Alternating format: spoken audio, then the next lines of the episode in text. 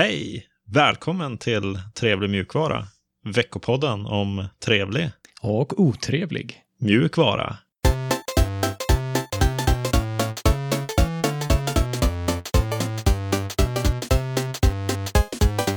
Jag heter Alexander och med mig har jag som vanligt Seb. Tjena, tjena. Hallå! Trevligt vad har du haft och- för dig? Ja, det, vad, vad har du haft för dig i veckan? I veckan så har jag försökt att ta en liten paus ifrån eh, kodande och haft någon, slags eh, pseudosemester. Det har varit svårt. Jag har pillat lite med Vim, pillat lite med andra projekt också. Är det kul då? Ja, det är roligt. Jag är tillbaks in i Linux. Oh. Det är skoj. Det är skoj att hänga här. Ja, det är lite spännande nästan. Det är det. Vad ska vi prata om den här veckan då? Ja, denna veckan så är det trevligheter, otrevligheter, lite nyheter och sen uppdateringar på våra utmaningar. Så Vim kommer vi snacka lite om sen också. Och sen lite annan meta, lite fråga från våra lyssnare. Spännande. Men först, nyheter.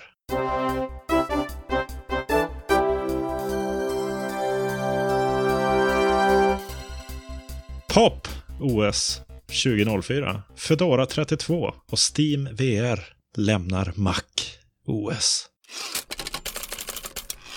Pop OS 20.04 börjar vi med. Vad är Pop OS? Pop OS är en Linux-distribution som System 76 gör. Och System 76 har vi snackat lite om tidigare. De gör också hårdvara. Så datorer som kommer preloadade då med deras egen eh, distribution som heter Pop OS. Vad är det för folk som använder det då? Förutom de som har eh, köpt deras datorer och får det med. För man kan installera det här eh, operativsystemet även på vanliga datorer va? Ja, precis. Ja, de säger att det är riktat mot creative professionals och eh, många säger att det är bra för gamers också. Jag vet inte riktigt vad motivationen bakom det där är. Jag har hört att det har med, de satsat en del på mm, maskininlärning och sådana utvecklingsverktyg också. Ja, just det. Vad är det som är nytt i 2004 då?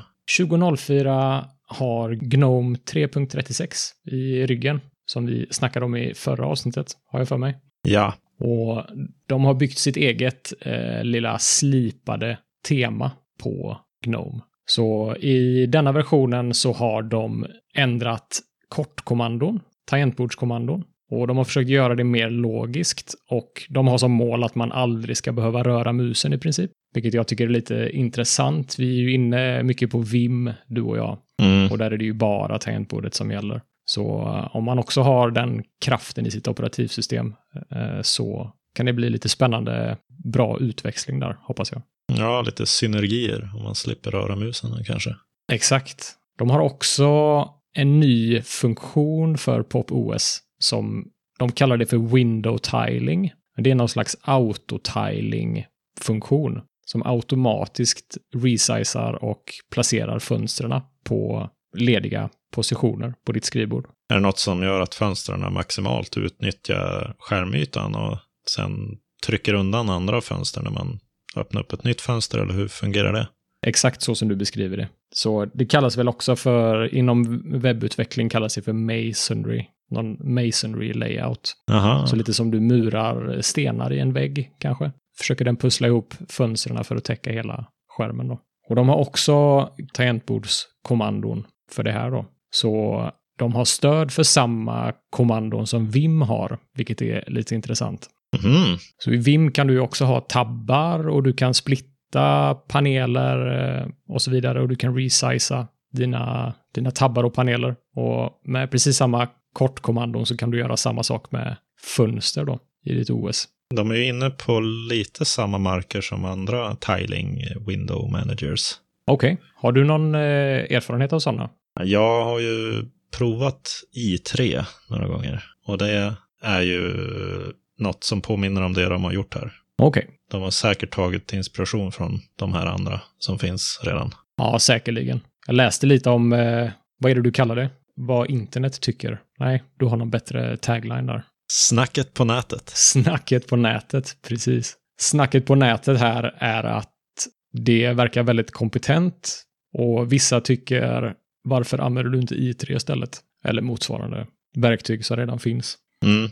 Ja, det är väl det första som slog mig också. Att Ja, det är väl många som vill ha kombinationen, eller tycker om kombinationen av Tiling Window Managers som i3 och möjligheten att använda en klassisk skrivbordsmiljö också. Med fönster som flyter runt och är i vägen. ja just det. För som du säger så det finns ju ingenting som låser den till att eh, tila fönstren. Så du kan ju, om du vill ha ett fönster flytandes över och sen resten tilade, så har du möjlighet att göra det också. Åtminstone i den här eh, window-tilingen i nya Pop OS då. Mm, spännande. Jag tror en annan anledning till att eh, jag tycker den här är lite extra häftig är för att den är inbyggd i skrivbordsmiljön. Och det gör ju att det blir aldrig någon setup, eh, allting funkar liksom från början. Och de har till exempel en liten knapp längst upp till höger med en genväg till eh, kortkommandona. Bara en sån liten grej är, gör jättemycket för mig i alla fall. Ja, det var min eh, nästa fråga, hur man som ny användare upptäcker de här grejerna. Just det. Då har de tänkt på den biten också, verkar det som. Ja, det har de.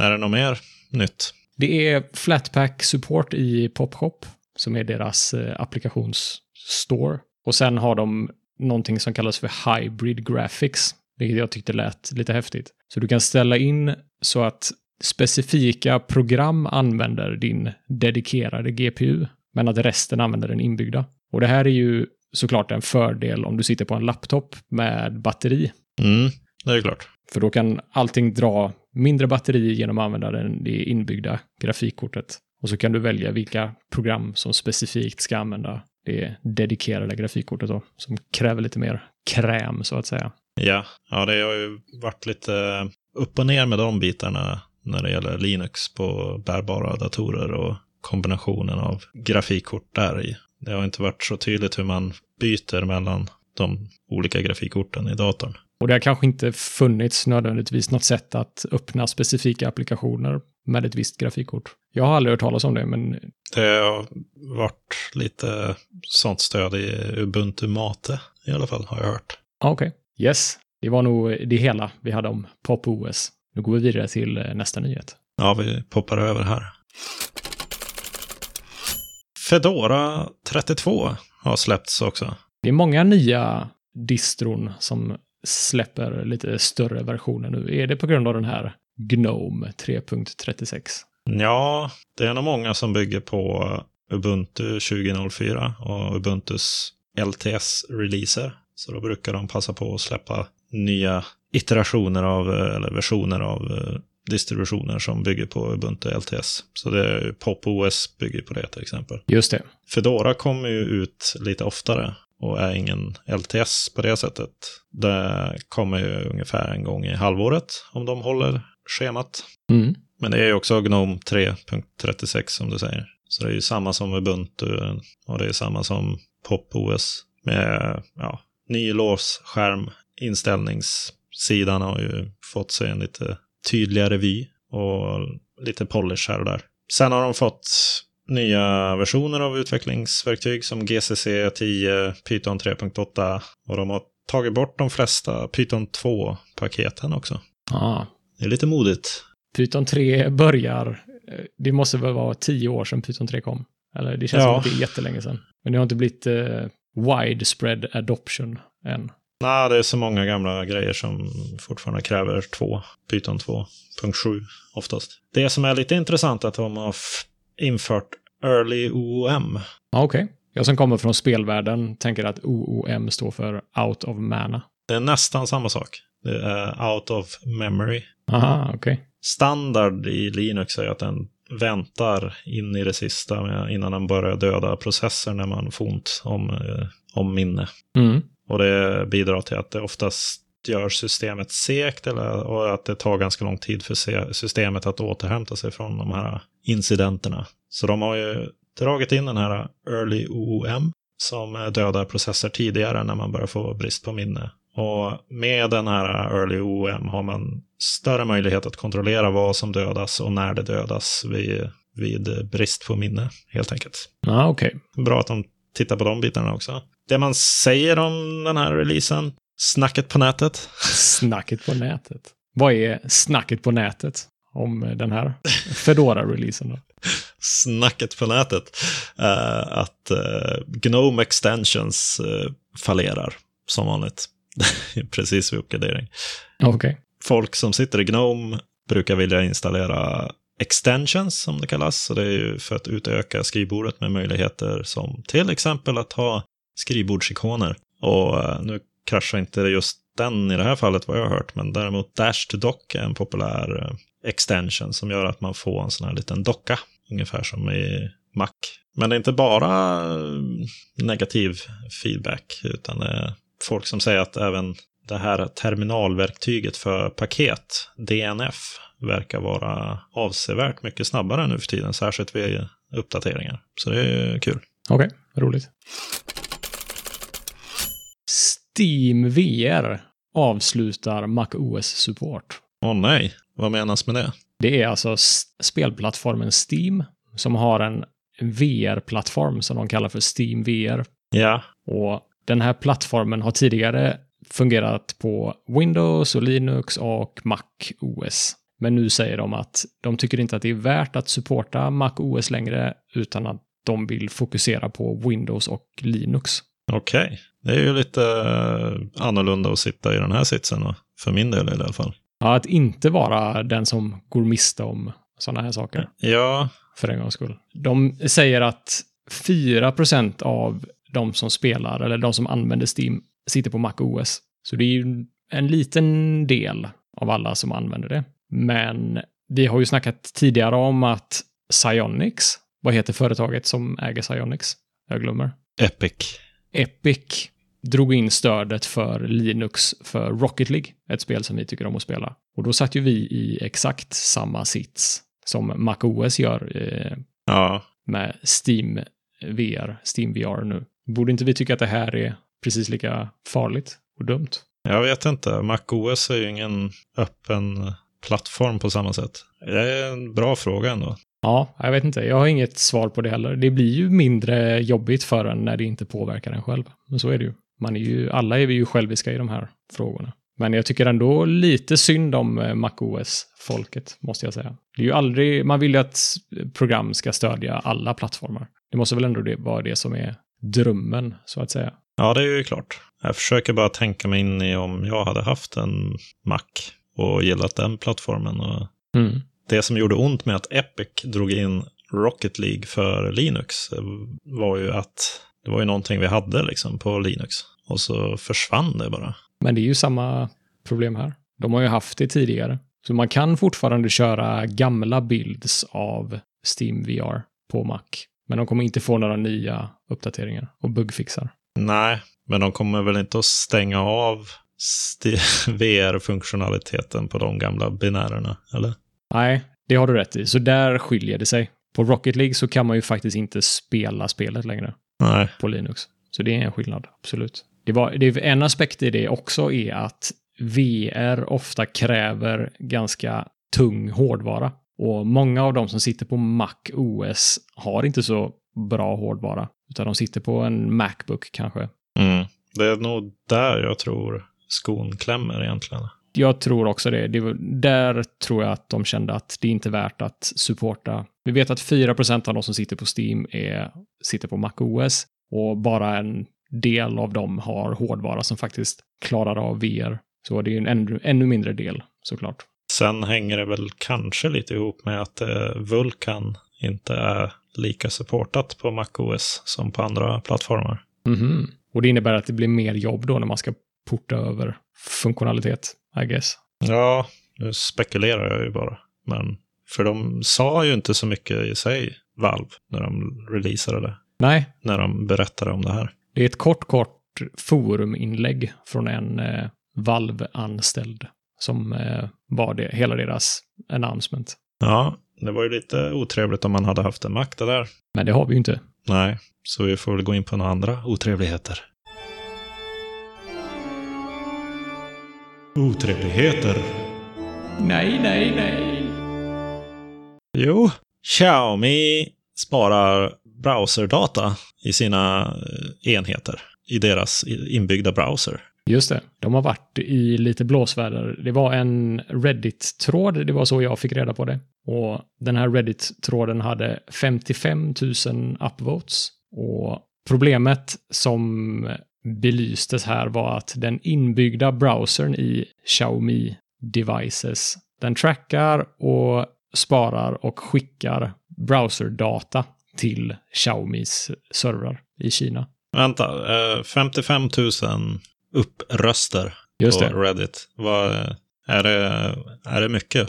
Det är mycket. Okej. Och jag tänkte ju att det här måste ju vara något riktigt hemskt som de gör nu, när det här blir så omtalat. Men om jag ska vara ärlig så vet jag inte riktigt varför den fick så mycket publicitet, den här nyheten. För att jag tänker att Google Chrome gör väl precis samma sak. Sparar browserdata och skickar till deras servrar. Och säljer vidare informationen, precis som Xiaomi gör. Ja, är det något som de eh, smyger in eller får man reda på det som konsument att de kommer att skicka upp det där? Nu har jag ju aldrig använt den här webbläsaren själv. Jag har ingen Xiaomi-telefon och om jag hade haft det så hade jag inte använt deras inbyggda webbläsare hur som helst. Men användare på Reddit säger, och de postar också lite screenshots, där de visar att man får en sån där, ett avtal som man måste klicka acceptera på. Och där i står det att de sparar browserdata. Okej. Nej, de sticker inte ut mot andra då på något sätt. Nej, det gör de inte. Det man kan säga är väl, det som några blev förargade över var att de även sparar browserdata när du öppnar en inkognito-tab. När du försöker browsa någonting privat Ja. så sparar de även den datan. Ja, Det är ju, det är ju inte det man förväntar sig när man öppnar en inkognito-flik. Nej, det är det inte. Men det är lite falsk, falsk marknadsföring vill jag inte säga, men folk litar lite för mycket på det där inkognito-läget, tror jag. Ja, Man, eh, allmänheten måste inse att det enda som händer när du öppnar någonting i inkognito-läge är att din lokala device, så din mobiltelefon eller din dator, sparar inte några uppgifter om vad det är du har surfat på. ja den sparar ingenting i historiken helt enkelt. Precis. Ja, men det är ju många som tror att det blir super... Att man är lite inne på deep web när man startar inkognito-fliken. ja, precis. Det är ju inte riktigt sant. Tyvärr, det hade varit häftigt och eh, jättebra om det hade varit så. Men icke. Eh, det som kan sägas med de här Xiaomi-telefonerna är väl att de är flashbara. Så du kan flasha ett eget OS på de här. Och jag vet att du har snackat om Lineage OS som är ett exempel på ett sånt OS man kan installera. Ja, Och då kommer man ju förbi de här eh, ja, säkerhetshålen eller att den läcker information så att säga. ja. Man kan ju flasha Lineage utan Google-tjänster och sånt på Android också. Så man får en helt ren Android utan Google Play och allt. kan ju vara en rekommendation eller ett tips till någon som har en Xiaomi-device och inte tycker om riktigt de här sakerna. Så de har, de har upplåsta bootloaders. Eller flashbara enheter. Yes, precis. Okej, för det är ju någonting Huawei, Huawei, Huawei Ja. hade. Fast de stängde ju ner det där till slut. Jaha, så man kan inte flasha Huawei-devices längre? Nej, det går no way. No, Huawei. no way Huawei.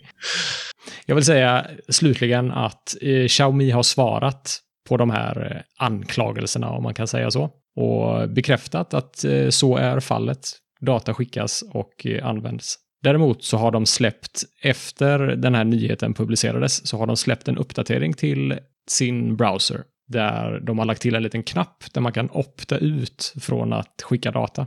Jaha, Så det tycker jag var bra gjort av dem. Nu finns det en opt-out-knapp i browsern. men det var ju lite otrevligt så vi får väl gå över på ljusare marker kanske. Awesome self-hosted. Vad betyder det? Det här borde ju vara någonting som du älskar. Du har snackat tidigare om styrkan eller fördelarna med att self-hosta saker istället för att använda en SaaS-lösning. Och där SaaS står för Software as a Service, det vill säga en online-tjänst mer eller mindre. Kan du ge några exempel på sådana? Ja, det kan jag absolut. Google Photos är ju någonting vi snackar om då och då. Ja, Det är ju en SaaS-tjänst där du laddar upp dina bilder och eh, kan titta på dem i album och dela dem och så vidare. Så ett alternativ till Google Photos hade ju varit någon slags applikation som du själv hostar på din server mm. och laddar upp bilderna och har samma funktionalitet i bästa fall. vad är det här då? Awesome self-hosted för något? Det är en lista skriven i Markdown som finns på GitHub med en massa self-hosting-alternativ till populära SaaS-lösningar. Ah, ja, den är gigantisk, den här listan. Den är gigantisk, det är den. Jag stötte på den när jag letade efter ett alternativ till Google Analytics, som är en SaaS-lösning som analyserar besökartrafik på webbsidor. Och jag ville hitta någonting som, ja, något alternativ till det helt enkelt. Och jag hittade 22 stycken alternativ i den här listan för Google Analytics. Jag visste inte ens att det fanns så många. Jag blev eh, imponerad över eh, mängden och eh, de beskriver inte varje alternativ särskilt detaljerat, utan då får man gå in och läsa på, på länken som de lägger in där i, i dokumentet. Men däremot så finns det bra licensinformation på varje alternativ och det finns bra, de har delat upp listan i gratis och icke-gratis alternativ. Och de, den är också väldigt bra kategoriserad, tycker jag. Det var lätt att, lätt att hitta i den. Ja, så det här är ungefär som den här uh, switching.software som du pratade om för, någon, för något avsnitt sen. Ja, precis, med lite mer fokus på eh, att komma ifrån de här SAS-lösningarna då. Ja, just det. Så det switching software har mer med appar att göra som man installerar. Man kan byta ut Photoshop mot GIMP och det här är mer att byta ut Google Photos mot, vad har de för exempel här? Ja, det är ju ditt lackmustest när det kommer till sådana här listor. ja, ja, de har own, own Photos som uh, de hävdar är en wannabe Google Photos-klon. Ja, den har jag kikat på. Det var, den är bra. Mm. Inte riktigt där än, men den är bra. Ja, ja. Jag måste säga att jag tycker att det här sättet att hitta alternativ till program, eller det här sättet mer generellt att skriva listor, eh, gör sig väldigt bra på GitHub. Ja. Eller med Git överhuvudtaget. GitLab.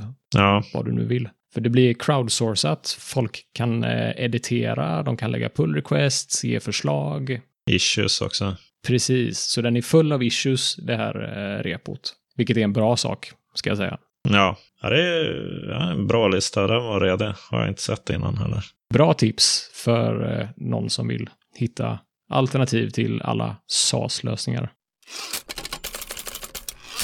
Trevlig mjukvara i Nederländerna. Wow, wow, wow. Är det vår podd som finns i Nederländerna? Ja, det går att ladda hem den i Nederländerna nu. Ah, det... Nice. Nej, det var inte det du menar va? Nej, det var inte det jag menade, utan det är ju faktiskt så att inrikesministern i Nederländerna, Raymond Knops heter han, mm. har eh, skrivit ett öppet brev till parlamentet där han förklarar sina intentioner kring en policy om eh, fri mjukvara som standard.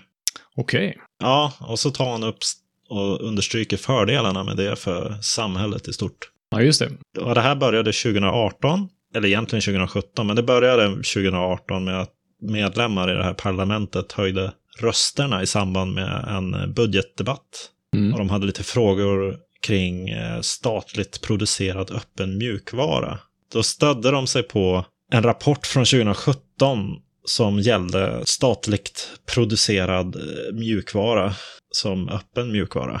Ah, och, jag känner igen det här. Är det public money, public code? Det kunde man tro. Det. Men den här artikeln är ju från Free Software Foundation Europe som ja. styr och ställer i den där kampanjen. Men eh, det är ju det hänger inte ihop med det ändå. Okay. Eh, men de har väldigt många likheter. Mm. Men i den här rapporten från 2017 så påstår man att med fri mjukvara så kunde man göra, kommer man att göra staten mer transparent, reducera kostnader och samtidigt stimulera ekonomin. Och sen tog de även upp problematiken med att det kanske skulle tolkas som eh, orättvis konkurrens med dagens lagar på området.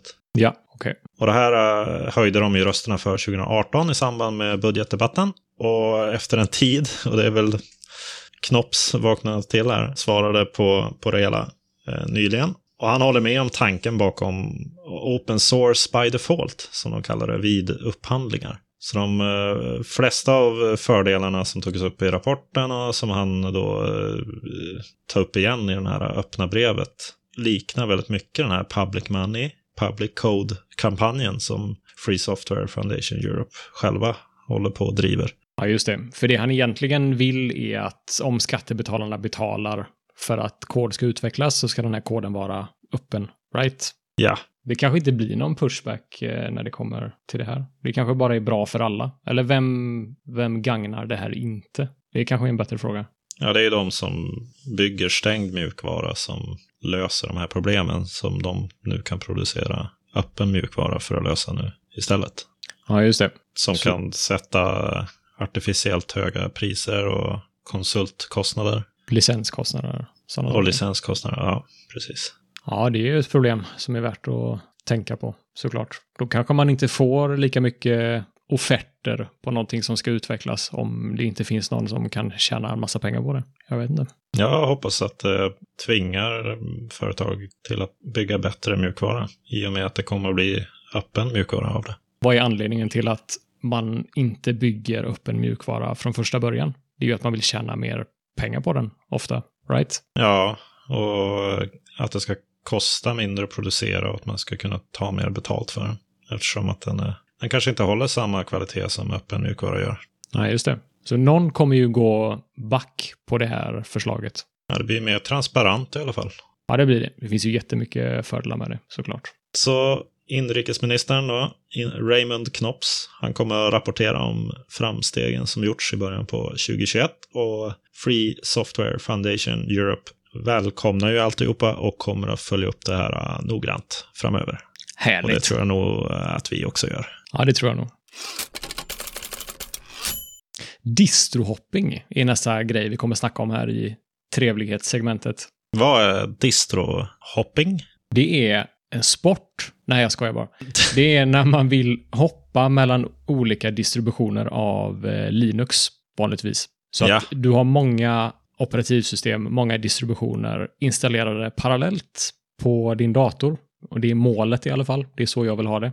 Och tanken är att det ska vara lätt att hoppa mellan sina distributioner och man ska även kunna dela lite gemensamma filer och inställningar och så vidare. Så att det ska bli lätt att gå från en distribution till en annan. Ja, men distrohopping är ju inte nödvändigtvis att man har flera distributioner på en och samma dator egentligen. Va? Nej, det måste det inte vara, utan det är ju helt enkelt att man ofta byter distribution. Ja, Om man har flera installerade parallellt eller gör det lätt att installera flera parallellt så blir ju distrohopping ännu enklare, helt enkelt. är det en bra sak att hålla på med sån här distrohopping? Om du vill vara produktiv, nej. Om du vill utforska många Linux-distron, eh, ja. Är det något särskilda du är ute efter att utforska? Jag blir jättesugen på att testa Pop-OS efter det vi snackade om i nyheterna här lite tidigare. Ah, just det, den här basic tiling-varianten. Ja, precis. Ja, det verkar som ett eh, roligt och trevligt och slipat och eh, ja, en snygg distribution verkar det vara.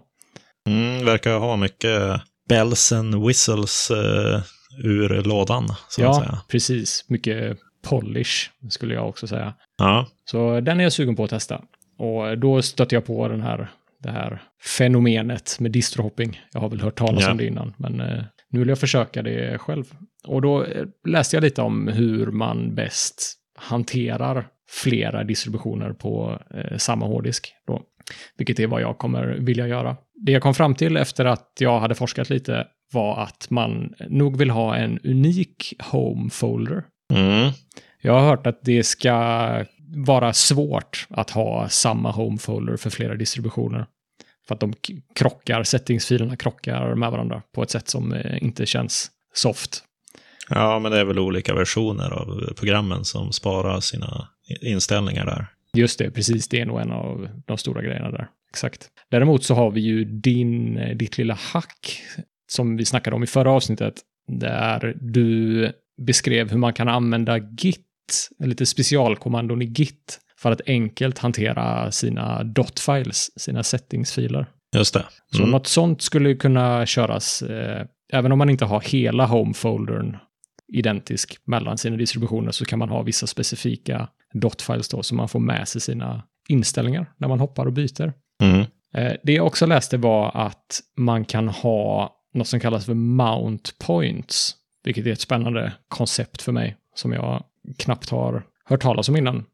Och förslaget där var att ha till exempel en mount point som heter work och en mount point som heter storage. och ha dem som partitioner mer eller mindre. Jag är lite osäker på hur, eh, hur det funkar rent tekniskt.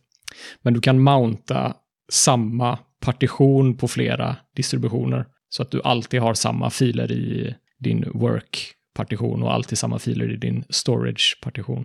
Ja, just det. Så man separerar sina, sina wares, sina filer ifrån OSet. Och så. Mm, mm. Sen läste jag lite om eh, olika boot managers. Det finns ju den Grub, eller Grubb, som väl är mer eller mindre default när man installerar ett, en Linux-distribution. Så Ja. fanns det någon annan som hette Refind som såg lite häftig ut. Som hade teman. Så man kan få det lite Ja. mer fancy looking. Det gillar jag. Ja, klart du kommer ge dig in på den Ja, mer inofficiella vägen. inte alls eh, otippat faktiskt. Ja. Mm. Så du kommer att eh, dela upp din hårddisk i lite olika delar och så kommer du att installera hur många distributioner då? Till en början Manjaro och PopOS. Manjaro är det jag kör nu och PopOS är det jag, nästa grej jag vill testa på. Sen är jag öppen för förslag. Arch måste du ju prova någon gång. Arch, det, det är väl den rullande release-distributionen va? Det är ju det som Manjaro är baserat på. Just det. Den, man lär sig väldigt mycket när man installerar Arch. Bara för att ingenting funkar out of the box. Eller varför? För att man måste göra det mesta innan man är klar med installationen. ja, just Och det. då får man liksom peta i alla delar och sätta ihop huset själv. Och då förstår man ju vad huset består av. Det är ju lite intressant faktiskt. Det är bra tips.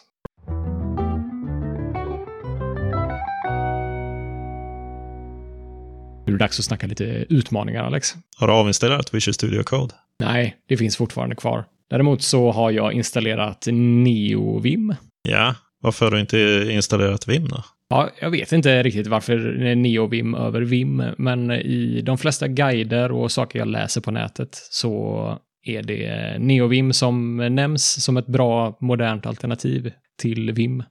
Så det blev det, helt enkelt. Man måste börja någonstans. Just det, och de har ju en hemsida som hävdar att de har starka defaults och fungerar överallt och så vidare. Just det. Det är lite lägre tröskel, kanske, potentiellt. Det är väl min motivation. Både du och jag har installerat det, Mm. misstänker jag. Ja, och jag har försökt att lägga lite tid på att få de features som jag är bekväm med och använder mycket i VS Code in i NeoVim. Så att jag har mer Mm. eller mindre försökt göra NeoVim lite mer lik VS Code. Den är ganska barskrapad som default. Så att det är plugins och settings och grejer du måste greja med. Börjar du känna det här behovet av att committa och pusha upp dina configs nu då? Ja, det gör jag. Det har jag inte börjat med dock. Men det kommer Ja. jag definitivt göra. Det är också ett steg innan eh, distrohoppingen som jag måste ta tag i. Har du lyckats öppna tabbar och filer och grejer i NeoVim nu då? Ja, det lyckas jag med. Det är ju väldigt annorlunda kan man säga. Det är ju inte nog med att du måste lära dig Vim, s- editeringsspråket så att säga. Alla kommandon du måste kunna för att hoppa runt i dina filer. Du har dessutom en helt ny editor.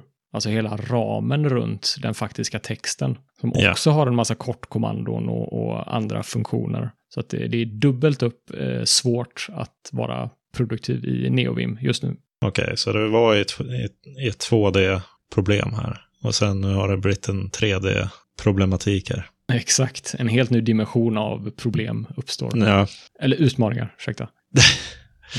Ja. eh, hur känns det då? Alltså det, det känns väl bra. Det går ju långsamt att göra saker. Men det ser ju jäkligt häftigt ut. Hela min editor har Fira Code som eh, font. Eh, Ja, vi har det. en eh, File Explorer. Vi har eh, filtypsikoner i den här File Explorern. Och syntax highlighting och format on save och intelligence och massa coola features som jag tycker är superbra i VS Code som jag har lyckats få in i NeoVim. Hur står de sig mot eh, de här featuresarna i VS Code? Eh, Jag tycker att de är lika bra, so far. Jag har inte hunnit programmera. Som jag sa innan så är jag på en liten programmeringssemester. Ja, Så eh, jag har inte hunnit testa det jättenoga. Men enligt mina tester så funkar allting superbra faktiskt. Ja, du får nog hjälpa mig lite där med att sätta upp det också. Ja, det gör jag gärna. Kan jag lära mig också. Eh, man lär sig bra på att förklara saker för andra. Precis. Ja, eh, dags att blicka inåt. Ja, det är det. Det har vi ju pratat om VIM och vi har fått lite feedback på VIM-bitarna också. Eller frågor. Ja, precis. Lite förtydliganden eller eh, frågor om eh, VIM-utmaningen från Isak på Telegram. Han har två frågor. Den första är vad har VS Code som inte VIM har? Ja, det är en jättebra fråga. Jag är inte säker. Jag har inte eh, gjort någon vidare lista eller vidare jämförelse. Det man kan säga är väl att VS Code har en himla massa bra features förinstallerade. Så att det finns en massa inbyggda plugins som gör syntax highlighting, code completion, IntelliSense, fil, eh, browser, mappstrukturen, pluginstöd. Det, det är lite det som fick mig att älska VS Code när jag testade det första gången. Att den har så mycket bra features och allting bara funkar. Det är sällan det gör det i en editor. Det som jag tyckte var extra bra med VS Code var att den eh, rekommenderade plugins när den upptäckte att den saknade någon plugin för en fil man öppnade. Det tycker jag var lite fräckt. Det är en cool feature. Jag håller med. Det gör ju att man upptäcker nya plugins också. Just det. Den håller handen helt enkelt. Ja. Betydligt mer än vad Vim gör. Det ska man inte sticka under stolen med. Nej, precis. Sen hade han en annan fråga också. Och det är ju om utmaningen i, i sig. Och att den enbart hade att göra med att använda Vim och inte något plugin till VS Code. Ja, just det. Hur formulerade vi utmaningen? Vad, vad är utmaningen egentligen? Och den är väl egentligen att vi vill lära oss VIM och se om vi kan få någon slags eh, bonus, någon bra effekt av det när vi skriver vår kod. Ja, och det är ju egentligen slutmålet. Så att vi sa ingenting specifikt om vilken editor man får använda eller andra regler, så att säga. Sen kanske vi var lite otydliga och sa Vim. Det är ju ett, kanske ett program Vim. Men tanken var väl främst att köra Vim bindings eller key bindings eller vad man kallar det. Men ja, som vi skrev i Telegram-kanalen också, så för att maximera chansen att lyckas med den här utmaningen eller för att sänka tröskeln så godkände vi att vi fick köra med plugins i editorer som vi redan är vana vid att använda. Ja, och jag tror att det var tur att vi gjorde det, för min egen del i alla fall. För nu när jag sitter i NeoVim-editorn så är det exponentiellt mycket svårare. Så chansen att jag hade gett upp om jag direkt hade hoppat dit hade varit mycket större, tror jag. Ja, det kanske har varit en riktig utmaning det. Ja, men fick vi ändå en liten taste av kraften i Vim när vi testade keybindings. Ja, precis. Så det här är, det är bara gott där. Yes. Det var all trevlig Och otrevlig. mjukvara vi hade för denna veckan. Hör gärna av er till kontakt trevligmjukvara.se. Och följ oss på ät trevlig mjukvara på Twitter eller Mastodon om ni vill hojta till om någonting eller ge feedback eller diskutera någonting. Vi har även Telegramkanaler. Vi har en hemsida ni kan gå in på för att hitta mer kontaktuppgifter. Yes, yes. Vi hörs nästa vecka. Trevlig mjukvara på er. Trevlig mjukvara!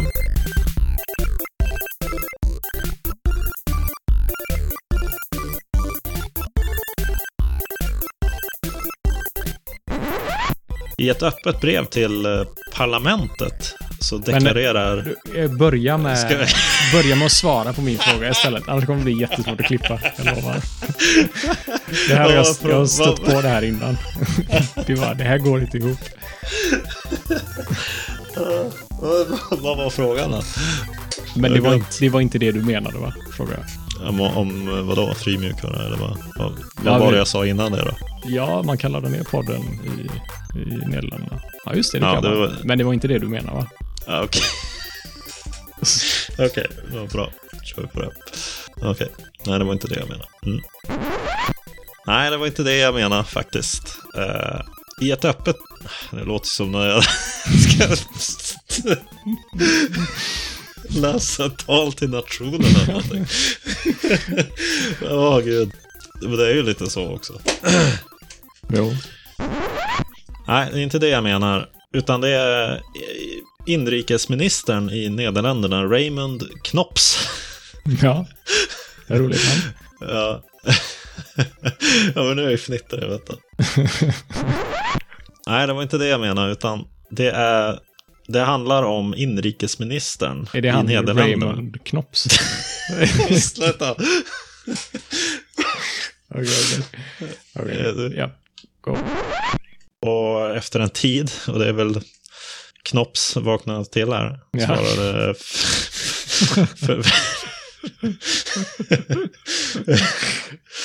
Ja.